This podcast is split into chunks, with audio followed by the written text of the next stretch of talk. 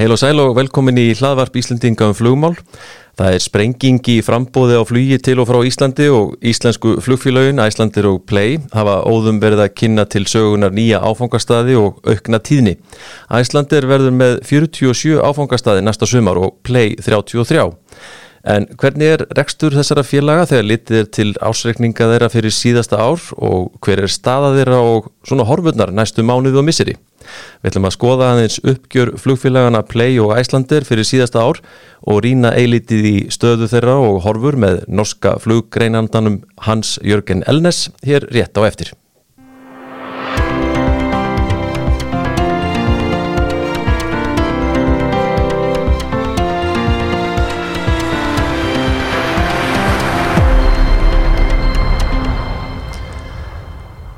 So Hans uh, Jörgen, welcome uh, to the show. Thank you very much, uh, Johannes. It's uh, it's not so often I have the chance to to be on a podcast in Iceland. I think actually this is the first time, so I'm really looking forward to to uh, to have a good conversation with you on uh, the aviation in Iceland and uh, and what's going on in general, know, and uh, and forward. Excellent. Um, just like today and, and, and the past few days, we've been getting a lot of new data from the airlines. Uh, and uh, they all seem to be in the same direction. That is to say, that the traffic seems to be growing very rapidly. Yeah, definitely. Um, uh, for the viewer uh, listeners, we uh, the toughest months of the year for the airlines are normally from January to March. Mm -hmm. Unfortunately, we have seen that these three cold winter months has resulted in better than expected uh, loads and passengers uh, um, and yields uh, for the airlines in um, in Europe. And today, as you said, the, the traffic data for uh, March start started to come in. And we have uh, from Finnair, we have from Norwegian, we have from uh, Wizz Air and, and Ryanair a couple of days ago, and it all all the arrows points upwards. And mm. uh, I think uh, that is according to what we had expected uh, for for March. So I, think that the first quarter might be better than we actually had anticipated, even from, from me as an analyst uh, in the aviation business for many years. I see. Um, and maybe before we get more into detail, uh, specifically about the Icelandic Airlines and, their comparison to uh, maybe other Scandinavian and such, um, could you give my listeners uh, uh, a, a, little introduction about yourself and uh, your analytic work in the aviation market, please? Of course, uh, I I'm almost born into uh, aviation, as my father was one of the aviation pioneers in in Norway, and I was almost born into an in a helicopter. So the smell of jet fuel and and Avgas 100 has been uh, running around in my brain since I was very small. Well, um, uh, after finished uh, some uh, years in the in Norwegian Air Force, I started to work with international airlines in the 80s, and been working with several large international airlines for a long period of time in in as an executive. And um, uh, I've also been uh, to Ireland. I worked with uh, with Ryanair at the head office there, and that was a very interesting period of my time. But uh, the last uh, five, six years, I've been doing wor my work as a um, consultant, advisor, and uh, aviation analyst and a media man here in, in Scandinavia and Nordics. Then I'm based in um, in Oslo, in Norway. I see.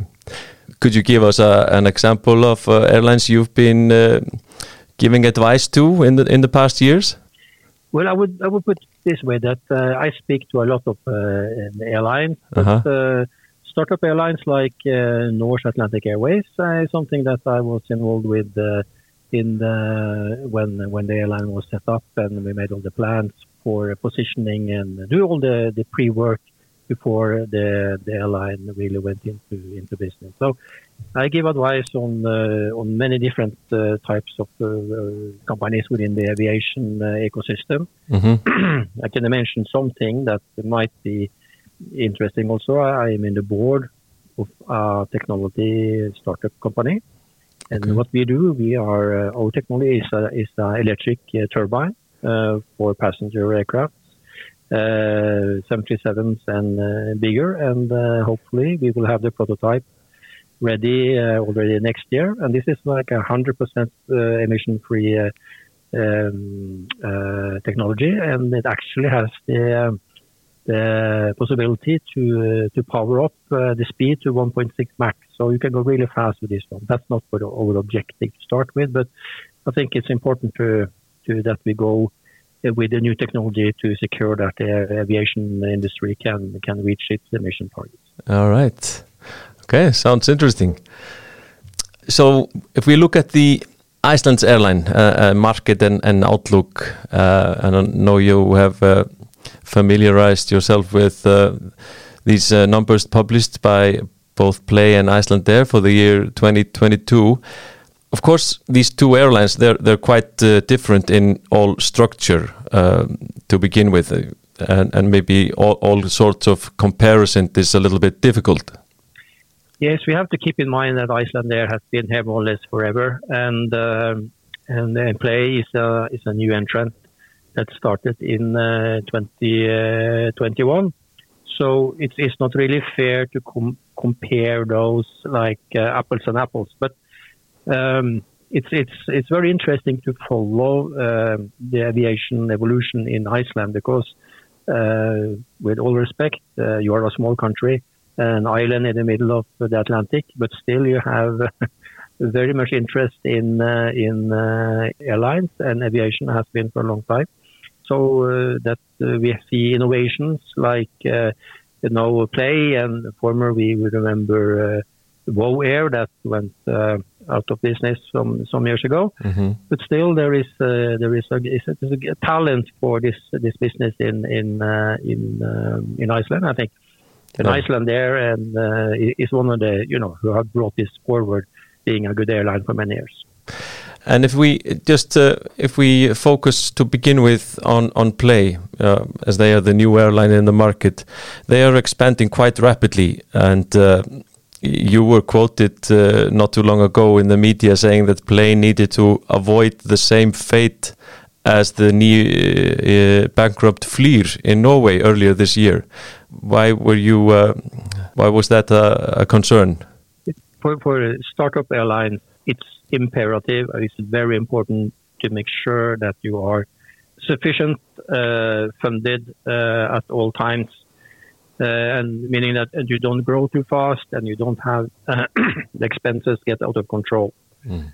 Uh, and the most important thing is like uh, when when you are Johannes, when you're flying your aircraft, you make sure that you have enough fuel to reach your destination and you have um, reserve uh, according to the regulations to have an alternative airport. So this is the same uh, same mindset that uh, the management in play need to have. That they need to see um, forward and make sure that they are have enough cash to to grow and also to meet the headwinds and, and make alternative decisions uh, as they uh, as they grow forward. And uh, that was something we saw with Flyr, that they were driving passenger volumes with uh, very low fares. Uh, actually, when they were in operation for one and a half years, there's only one month where they had a surplus in terms of more revenue than expenses and they needed to go to the market and, and, and raise money on several occasions. Mm-hmm. Uh, that's something I hopefully that uh, Play uh, have uh, learned a lesson to not end up in some situation for go to the market and, and raise more funds uh, to to keep the, the engines uh, running at full speed. So um, I think that's the most important. Make sure that you are funded and you grow according to demand and not grow too fast and, and stay with your business plan as much as you can. I see.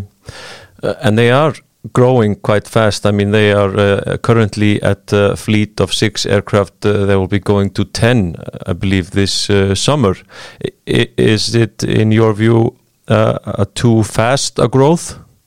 No, I, I think uh, Bjarne and his team is is having a, a quite robust um, business plan. And we also have to take into consideration that uh, this summer will will definitely be colored by a high demand over the North Atlantic uh, between the United States and and Europe, um, particularly traffic stream with the point of sale in in United States because of the strong dollar versus the the, the euro and other currencies in in in Europe. Uh-huh. So I think um, it will be mandatory that uh, Play capitalize on this high demand that we expect to come this summer. And I think they have been very clear in their um, their, their, messages to the market all through the first quarter that the demand is high and uh, the yield, uh, the, the unit revenues are increasing. And um, uh, and uh, I think they are more focused on having the cost uh, at a very low and good level than to have the lowest fares, at least this year, because in 2023 the demand will will overtake the supply. So uh, I think they will be able to to have good revenue during the summer months. And uh, they were uh, just publishing uh, now uh, recent, very recently uh, latest numbers for. The traffic figures?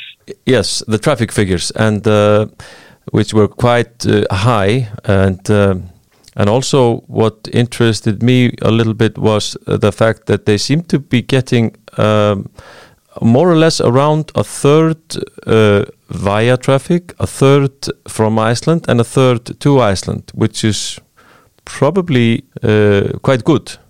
Yeah, I uh, I think the the, the March uh, traffic data from mm. Play they had around a, a load factor yeah. of 81 percent, meaning mm-hmm. they, they they filled eight out of uh, ten seats, more than eight out of ten seats, and mm-hmm. they had around uh, 87,000 passengers in in March, and that is uh, the highest passenger number they had since uh, October last year.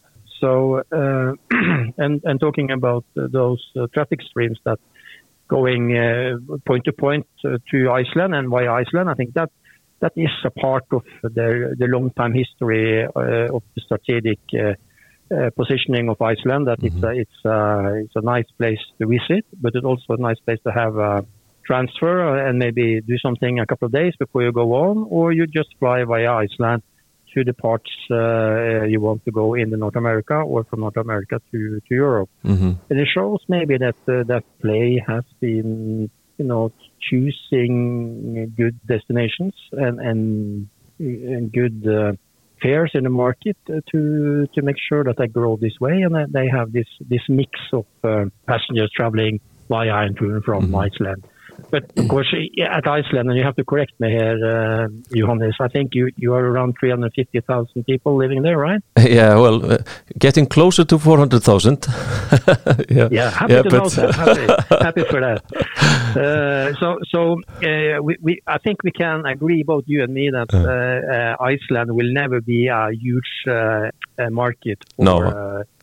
home market. So, so both Play and Icelandair, they need to go abroad mm-hmm. to pick up the the major bulk of the passengers. Oh, absolutely. So, and, and, of course, uh, as as more tourists you, you pick up in North America and in Europe that go point to point to visit Iceland, you also need to have a logistics system, uh, logistics and, and uh, accommodation and so on uh, in place in Iceland, so you have room for them, yeah, yeah, and, uh, and and that is not getting too expensive because uh, I think it's important also for, for your listener to, to, to understand that uh, the airlines they are very focused on on the revenues and and, and costs, but uh, the people that the airlines live from, you know, that their customers, they must have what you they often refer to the total cost of travel.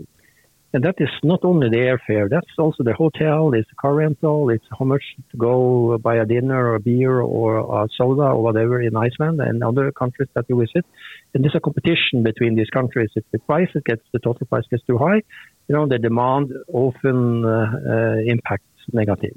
Absolutely. So, so that's, uh, that's, uh, that's something, you know, uh, Iceland can then adjust uh, to have more transfer traffic than point to point if if uh, if you have in a situation on Iceland that you cannot accommodate all those new passengers coming in to visit the country.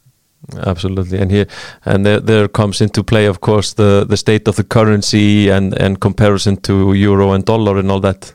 This is very important, and, yeah. and as we mentioned earlier, the the U.S. dollar is is very strong against. Yeah. Uh, euro and uh, Norwegian krone, Swedish krone, Danish krone, and also uh, Icelandic krone, and that means that they can uh, have a good bargain going there. Mm-hmm. It's the same here in in Norway. Uh, the Norwegian krone is, is very weak uh, towards uh, other currencies, and that's not good for Norwegians going on vacation because we we pay almost a double price. At least if you go to Denmark, while people from Denmark and Europe can come to Norway and they have a very good bargain.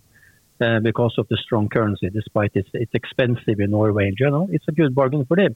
So Mhm. this is something that um, Play and Icelandair and you and I we cannot control. That's you know that's geopolitical situation and so on that, that defines this. But it, this is important for the for the airlines and the travel industry to to also you have this into consideration when they make their business plans because uh, if the dollar goes weak and the demand in the United States going to Europe will will certainly be affected by that. And uh, what do you do then with all the capacity you have? Uh, for the point of sale in the United States. So it's, it's I think uh, you are you are a pilot, right? And Yes. You know, it's it's not it, it- it's uh, you need it's a complicated to fly, but it's a very complicated to be a uh, executive on an airline Mhm. because there are so many things that impact uh, you know the day to day work. So.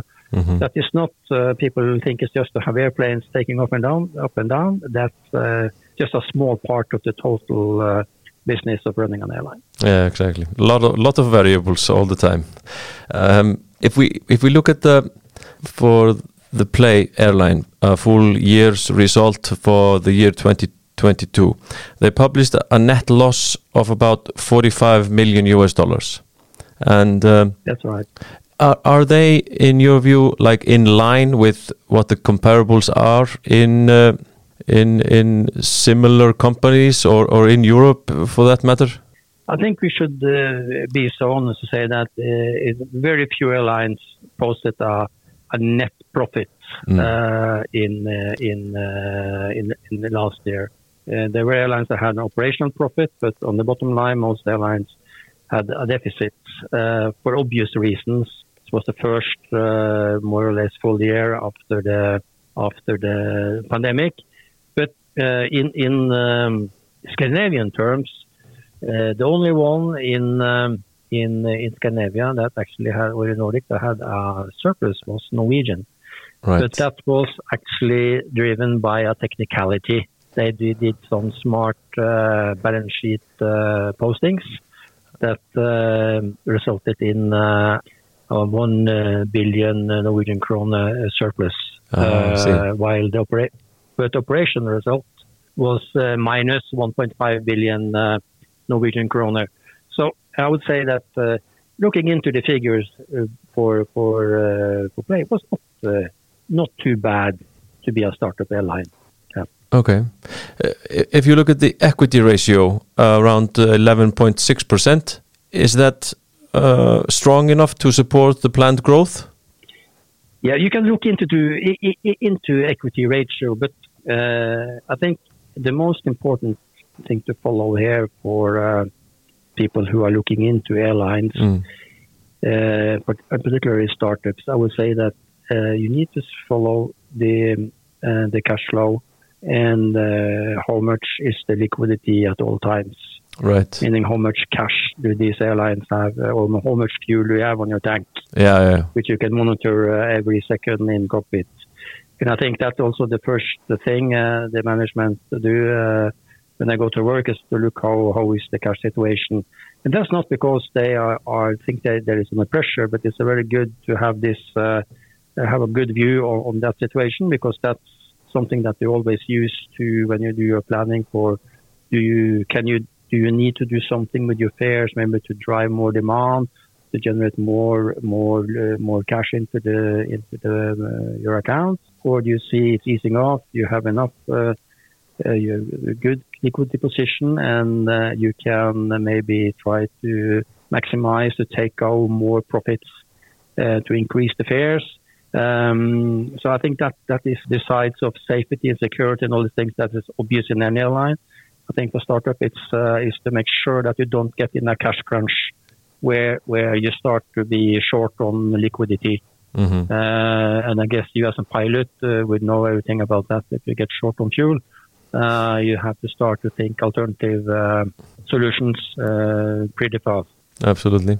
Um, so you don't see that uh, a particular uh, problem like just for the average traveler the liquidity liquidity situation in play at the moment as they have No. seem to have a quite a lot of cash flow I, I don't think so. I, I don't see that as a problem now, uh, because uh, the the the, the message from uh, from play uh, management has been very clear that um, the cash situation is is good, and there is no need for uh, for raising more capital. Uh-huh. They did a capital raise uh, in November last year right uh, which I think was smart because they they secure that they have enough capital capital during the winter the winter uh, months, uh, and we, we're living in a geopolitical situation that everything can happen uh, actually, Mhm. and then it's good to have enough liquidity. So.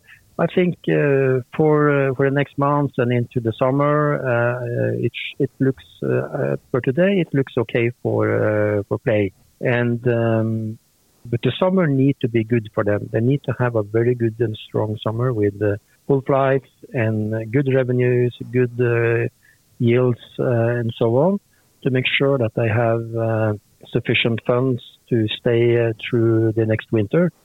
Because that is the the challenge for uh, for particular low cost airlines is that uh, you have the peak in the summer season, which is from April through November uh, to through October, then you have the winter season from November to March.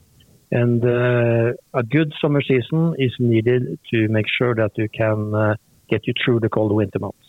yeah so the, so the next uh, next thing to look at would be next time next fall to see you know as, as you mentioned like when the passenger numbers might start to decrease then they need to be in shape uh, to to endure the winter time. Yes, and and and uh, and as uh, Play also increased their aircraft fleet, hmm uh, you know there are uh, running costs uh, not only on leasing and and uh, and crew and and staff and all these things, but you have uh, you have high have had high fuel prices for a long time. There are there is very limited hedging. Hedging means that you have secured future consumption of fuel at, a, at an agreed price. But uh, when you are flying and the, the cost remains high and, and the revenue goes down, that's a situation uh, that is not good for, for startup airlines. So, Mhm.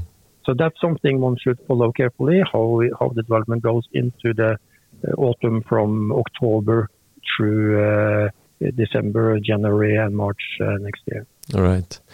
You can see that from the from the numbers for for uh, for the report for last year that the financial costs for the lease liabilities of the six aircraft currently in place operation it was around 13 million US dollars in 2022 uh, is going to be around 17 million in this year and increasing onwards of of uh, close to a million dollars per year and uh, I imagine this is a cost that could uh, easily affect Play's profit or loss in the in the near future. I don't I, I don't agree with you 100% on this, uh, Johannes, Okay. because um, if, if you if we look into the balance sheet uh, of uh, Play, there are other components that uh, are more um, capital uh, draining than than um, this. Uh, I would say uh, limited uh, liability for uh, for leasing. Okay. Uh, if you look, because if, if you look into last year's uh, 2022 financial results, you will see that they spent uh, 62 million uh, dollars on fuel, and uh, they spent like almost nine million uh, dollars on uh, emission permit. I mean CO2 charges. Uh, so I think uh, there are other components. I think fuel is a very important component to follow. Right. And I think uh, play in, in uh, will when they have the ability to it. Uh, hedge, I mean, secure uh, their uh, some more of their future consumption of fuel, provided that uh, the fuel price uh, might end up around uh, between seven and eight hundred US dollar per metric ton.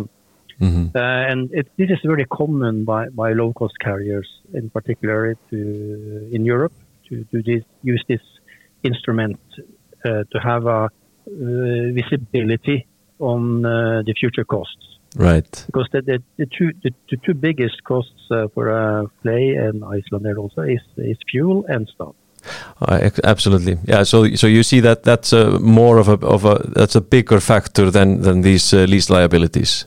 Much bigger and a much bigger impact because okay. Uh, neither you and I we don't know the details on the leasing contract mm -hmm. that uh, Play have made, uh, uh, but assume this negotiation has been going on back in time, mm -hmm. and some last year and the year before, you know, the, the leasing companies were more, uh, uh, you know, they were more. Uh, it was possible to negotiate better deals. Right. Uh, but if, if you and I should start an airline today and uh, and uh, start searching for Airbus 320 Neos or 321s or 737 Maxes, we have to pay much higher leases yeah. than those has, that has been made by Play a couple of years ago.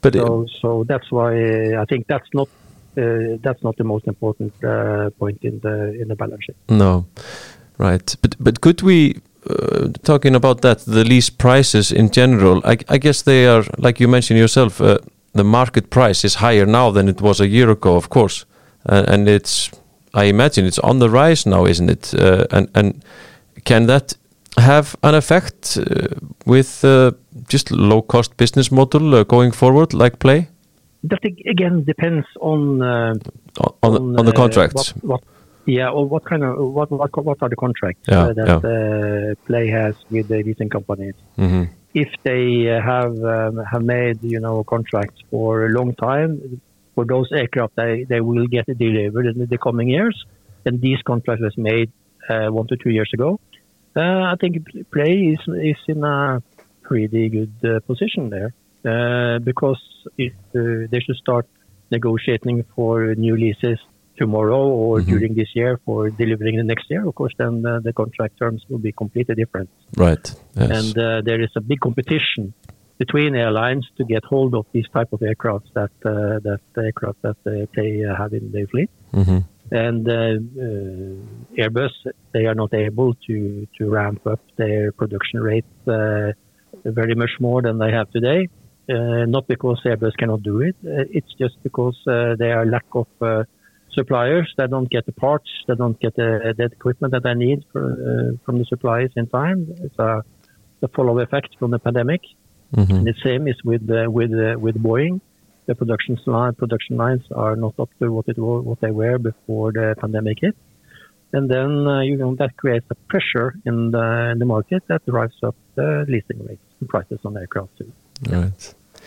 Another thing that's been uh, somewhat in the media here in the past few weeks uh, in regards to the airlines is that uh, the fact that uh, Icelandair has been uh, hiring some of uh, the pilots, former pilots from play. So we're, we're seeing some some movement in that area, and also there's some some news about uh, possible shortage of uh, pilots and, and such in the in the next uh, months or years. Can you see that affect an airline like Play, which is aimed, of course, primarily on cost when these market yeah, conditions are changing? Before I go into deep of this, uh, can you enlighten uh, your your listeners and me a little bit about the the the supply of uh, pilots that are natives from uh, Iceland? How is that? You are 400,000 people and you don't have uh, endless queues of uh, pilots in Iceland, I guess. No, that's that's a, that's that's a fact, and what we, what happened in the last few years preferably in the pandemic, is that uh, much fewer decided that they wanted to uh, learn how to fly and uh, learn uh, anything that had to do with aviation, I guess, because of the status of the industry. And that hasn't picked up. So, so the supply line, if you can call it that, has uh, been degraded in the past uh, few years. But still, we have a there there are some still in the market, and we are seeing uh, pilots from abroad coming to both airlines, basically both Icelandair and Play.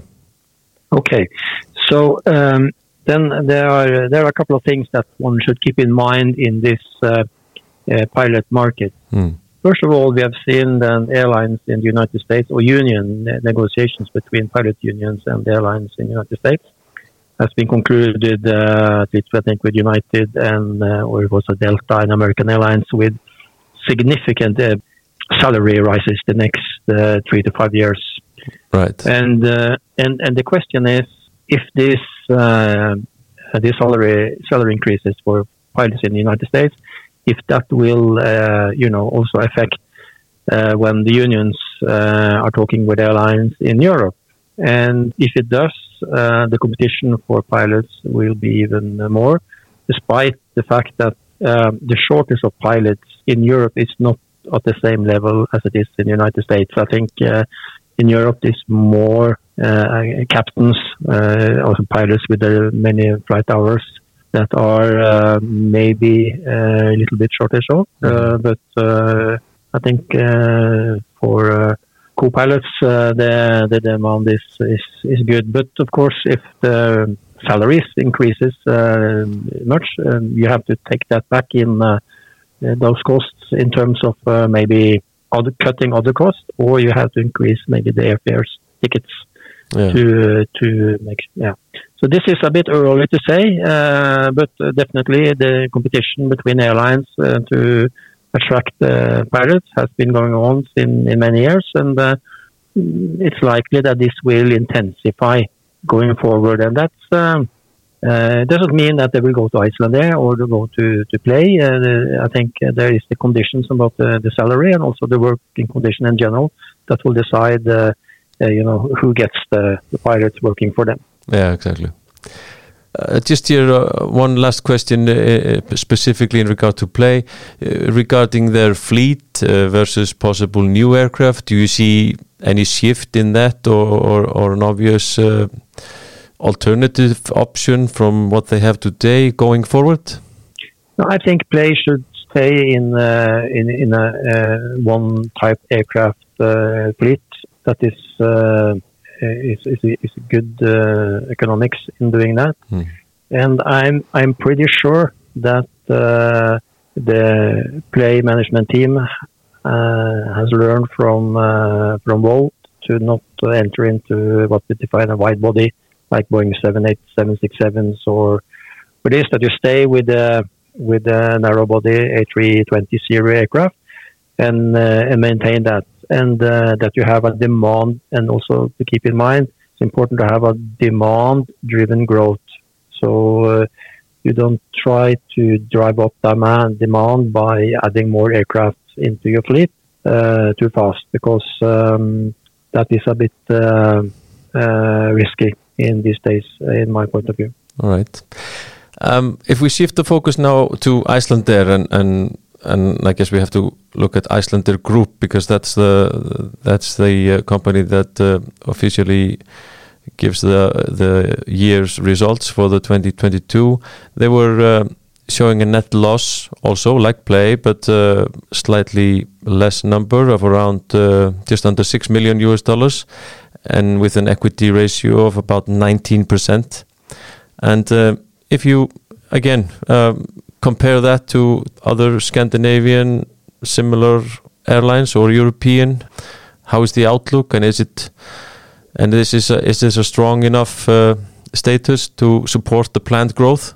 Yeah, I think uh, I think also Icelandair had an operational uh, profit last year, mm -hmm. what we call earning before income tax of uh, almost 19 um, uh, million dollar, and um, I, I think Icelandair is is uh, the brand Icelandair is very well established uh, on both sides of the Atlantic, uh, and is not necessarily linked to to low cost, but uh, to something in between, uh, hybrid uh, between low cost and and full service carrier. Right. and well, the financial results of of Icelandair is is a very good uh, improvement from uh, 2021, where the negative result was con considerably worse than than last year. So it's going on the right direction, but of course, uh, Iceland is also working, you know, in this uh, transatlantic uh, environment where it's point to point to Iceland and very small home market, and they are depending on uh, the demand uh, for uh, for Iceland in Europe and uh, via Iceland to North America, and the same from North America via Iceland to to Europe. And of course, as we mentioned earlier, Johannes the infrastructure, the travel infrastructure in Iceland uh, must be able to cater for uh, for more capacity, not only from Icelandair and Play, but you have uh, uh EasyJet, you have uh, Ryanair, you have uh, Norwegian, you have mm-hmm. SAS, you have a lot of airlines flying into Iceland from Europe, and you have uh, the same from North America. Um, and the question is if uh, if that uh, is not being taken care of, uh, how much capacity can you have point to point uh, into Iceland? Yeah. And then, uh, of course, they have to be competitive flying these via Iceland from east to west or west to east over the Atlantic and be competitive in in that. And Icelandair has been flying for many years, so so I, I don't I don't have any bad feelings about them.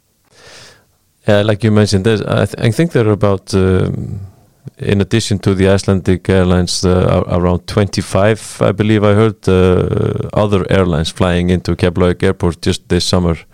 So there's going to be a lot of traffic.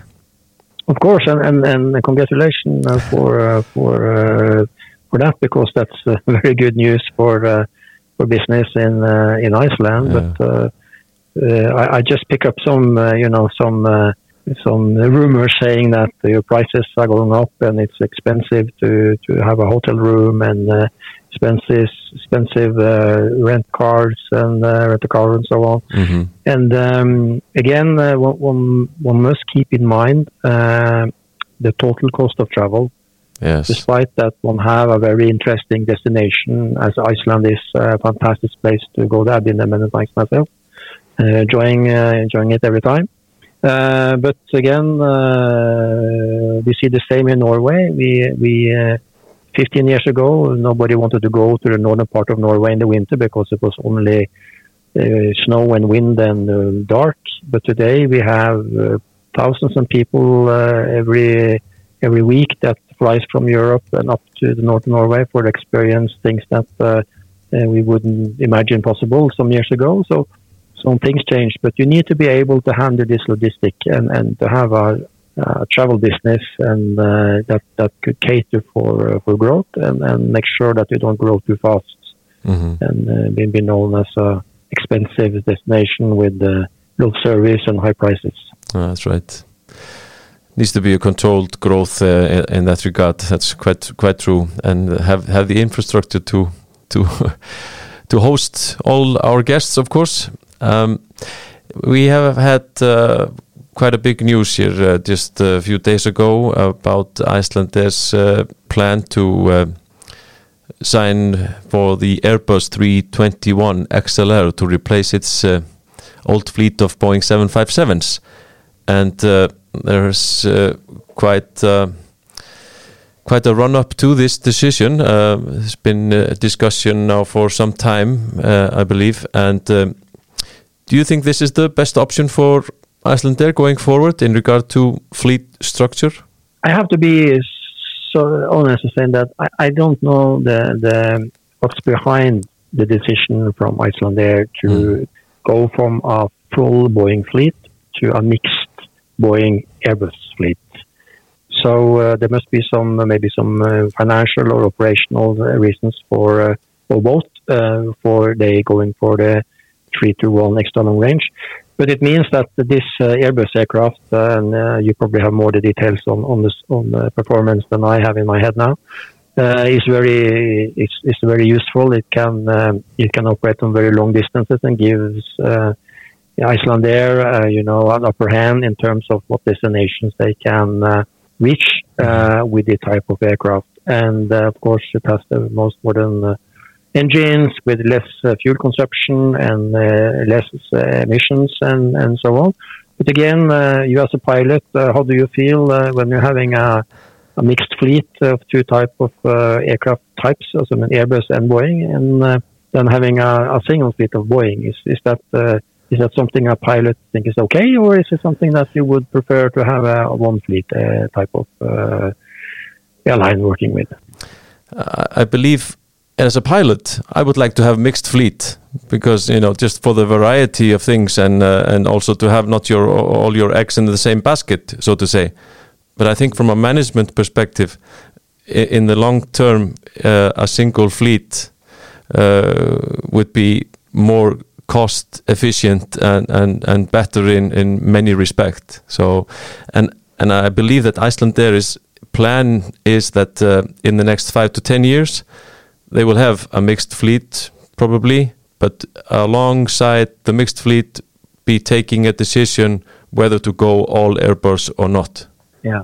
Mm -hmm. We see in, in, in, if you look at some other airlines here in the Nordic region, you will see that uh, the low cost carrier Norwegian they have a single Boeing fleet, uh, 737 uh, uh NGs and, and 737 Maxes. Right. And uh, fin Finnair is uh, uh, has a single fleet with with Airbus both on long haul and on short and medium haul.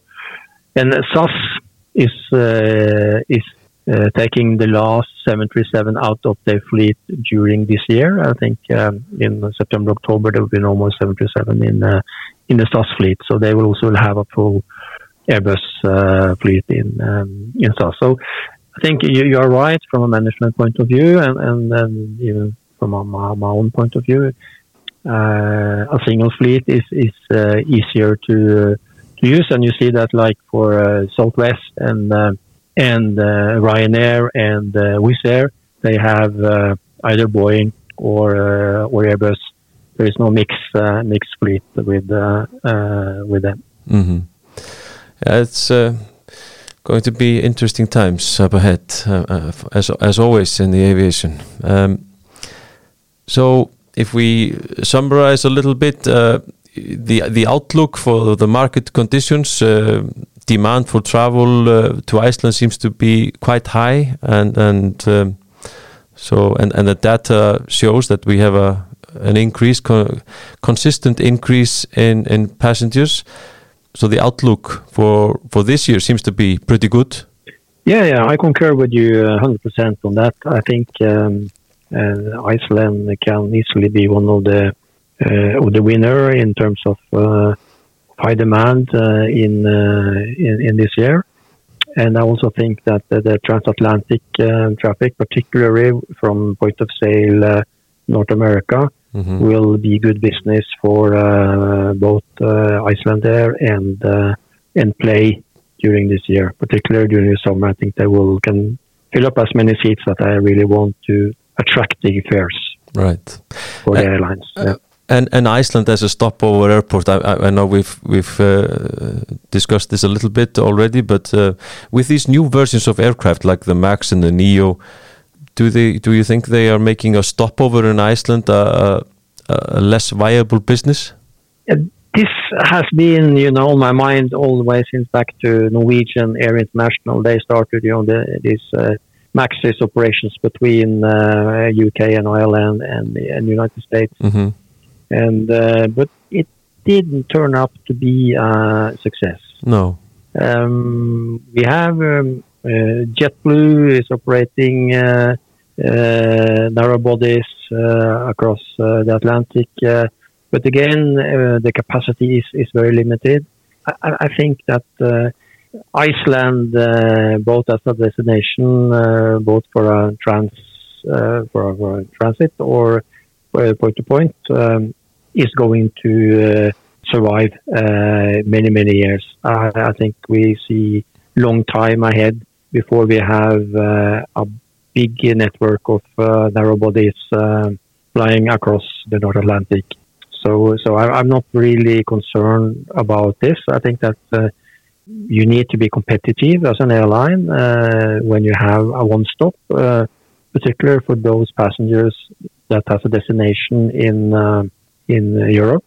And the, the, advantage for both uh, Play and Icelandair has been that they are, they are, they are picking up a number of destinations. Uh, so you come to Reykjavik and you can fly uh, almost not everywhere, but at a lot of places in in Europe Right. And the same, we go all the other way to United States and uh, Canada.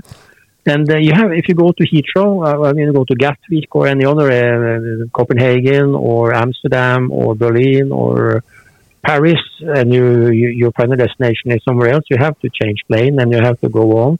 Uh, so as long as they keep the competitive, uh, competitive edge in terms of um, quality, uh, on-time performance, regularity, and uh, reasonable competitive prices, uh, ticket fares, Mhm. I think that um, there is room for flying via Iceland in the future. Yeah, I agree with you. I, I, if I if I look my uh, in my view, if I look back a few years, I would possibly have thought that uh, these new aircraft would have made a bigger impact than they actually have.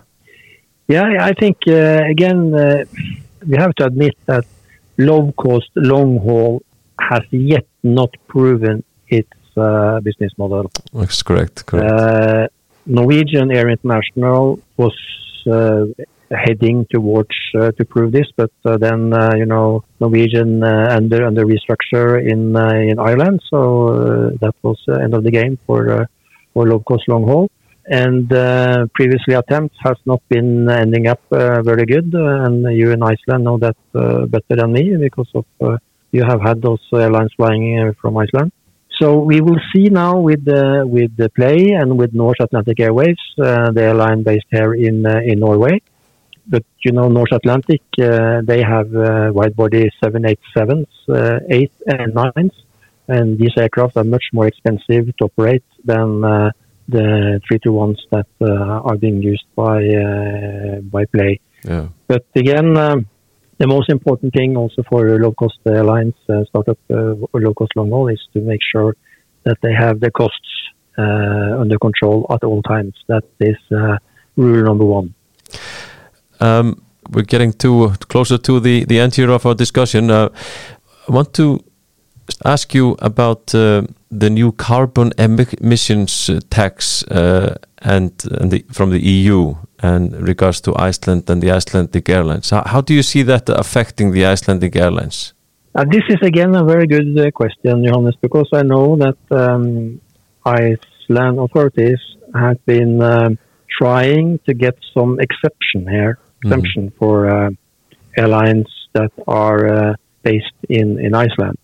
Because their competition from the United States, they uh, somewhat avoid this cost. And um, the fact is that one ton of CO2 today emitted by an airline costs around 100 euro. And it's expected that the cost for, emi- for emission will increase significantly. Uh, and if you ask uh, Play, they will say that they don't have any incentives either because they were it's a startup airline with no historic uh, incentive to bring with them. While uh, I think uh, Icelandair and, and the most other airlines that's been around for ages, they have some incentives that put some less pressure on uh, the total emission costs. Okay. But from 2026, uh, I think uh, 2025 or 2026, the incentive schemes for uh, all other airlines, European airlines, will disappear. And then it will be the same for Lufthansa, for Play, for Norwegian, for Iceland Air, British Airways, uh, Ryanair, Wizz Air. They will have paid the same price per ton CO2 they emit. There will be no uh, incentive. But of course, for Iceland, you have uh, very long distances you fly uh, from Europe uh, to Iceland, Right. and um, I think the average flying distance for, uh, in Europe is less than 90 minutes. In continental Europe, is the average uh, point-to-point uh, travel time. So, um, but if Iceland there is is going to get uh, the green light from uh, for in Brussels on this, I'm very unsure Yeah. because if they start to, to give exemptions uh, at this stage, I'm not sure how that will impact the whole emission trading scheme system. Right. Uh, so I wish them good luck, but I do not give any guarantee for success. Icelandair CEO uh, stated recently in an article that he did not want any exemptions. He, he rather just wanted a level playing field, like he uh, put it, uh, because the, well, he, he would argue that the outline is um, negative for the Icelandair uh, and, and then play as well, and could only shift the traffic and not necessarily even decreasing the overall emissions, which is obvious uh, name of the game. But you know, and like you mentioned, it's uh, it's about uh, getting people to travel, I guess, more on the trains, and we don't have any trains here in Iceland. no, no, and and and uh, of course uh, you, you, are competing also with uh, with airlines from the United States. Yeah, and, yeah uh, exactly. They are not they are not uh, they are not including in the included in the European uh, trading scheme. So that that's not an equal playing field for them for for play or Icelandair either. Mm -hmm. So. I, I think the, the solution here in the medium term is to have a, a global scheme Yes. That is uh, covering uh, everyone, and, and the airline, the aviation system has it through ICAO, something called uh, CORSIA, and I think it takes a very long time for us to discuss that now. Maybe next time, uh, Johannes. okay. And uh, and uh, it means that all countries in the world, you know, should sign this petition, this sign uh, sign into this scheme, and uh, then um, have uh, you know equal prices for for emission. Because yeah. if you look into the price to emit one tons of CO2 in one part of the world, it's uh, completely different from, from Europe. Europe is the most expensive uh, area to fly in terms of uh, emissions. And um, you, you, don't emit more with an Airbus 320 Neo or 321 Neo in Europe than you do in China or United States or in uh, in Australia. No. So this is something that uh, the aviation industry needs to to find some ways out of. And uh, also there is uh, is at speed to get new technology on uh, on board that could uh, make sure that uh, the the aviation industry actually is able to reach their emission targets within time. because if they don't do that, I don't want to speculate how expensive it's going to be to fly. oh, exactly. No, I absolutely agree. This makes very limited sense, in my view, to put up a program like this in only one part of the world. And and I guess the if nothing changes, then what happens is the business will go where it wants to be, and not where the where the cost is too high. But anyway.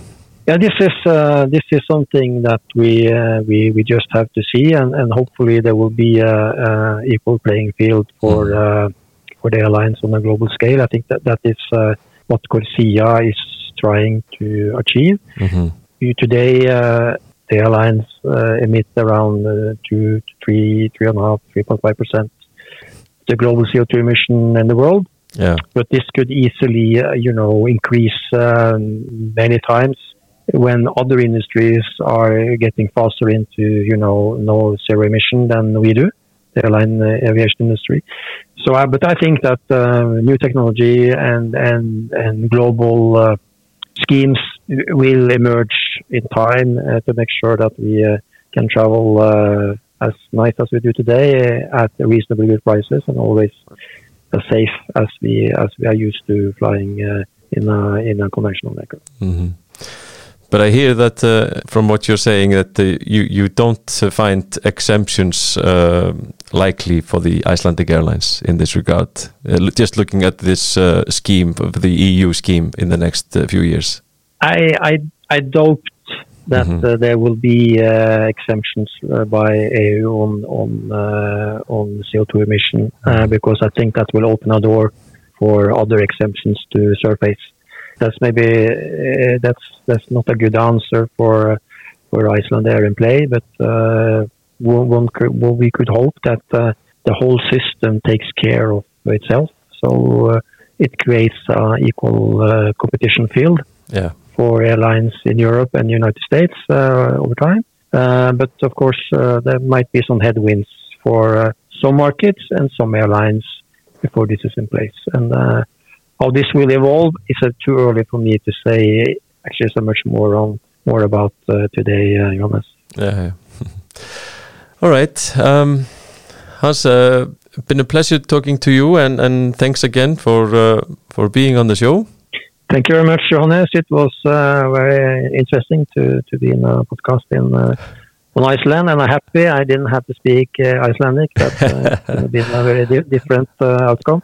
But Yeah. it was nice talking to you, and I hope your your listeners enjoy uh, listening to your podcast also, and uh, and maybe we can do it again sometime. Yeah, and uh, and please advise me when you when you pop for a visit next time in Iceland, and and we can meet here in person in in the studio, perhaps if that's uh, convenient. That would be a pleasure, and I, I I've been to Iceland uh, many times, and it's it's some years since now, and I really hope to be back uh, in Iceland uh, as soon as possible. Excellent. Hans Jörgen, I do thank you again for your input and analysis uh, of the Icelandic Airlines and, and other uh, other uh, stuff. And uh, maybe we talk again later on the subject. Thank you very much. Okay, you're welcome. Goodbye for now. Goodbye. And uh, with this, we conclude this uh, this show. And until next time, I bid you all good times.